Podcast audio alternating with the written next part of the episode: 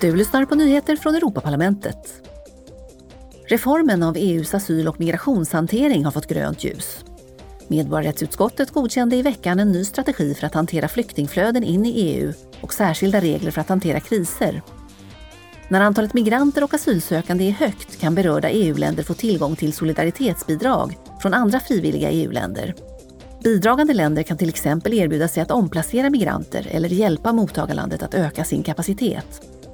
Om en kris skulle uppstå blir omplaceringar obligatoriska. Ledamöterna har godkänt strängare regler för att bekämpa penningtvätt, finansiering av terrorism och kringgående av sanktioner i EU.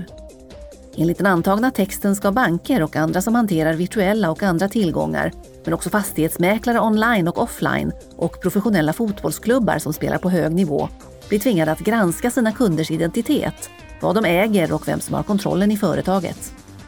De kommer också att tvingas göra detaljerade rankningar av vilka riskerna är för penningtvätt och finansiering av terrorism i sin egen bransch och vidarebefordra relevant information till ett centralt register. Europaparlamentets talman Roberta Metsola är i Nederländerna på ett tvådagarsbesök. Imorgon ska hon hålla ett pressmöte i Haag tillsammans med premiärminister Mark Rutte, följt av ett bilateralt möte. Samma dag ska talmannen träffa det nederländska ministerrådet och få audiens hos kung Willem Alexander. Du har lyssnat på nyheter från Europaparlamentet.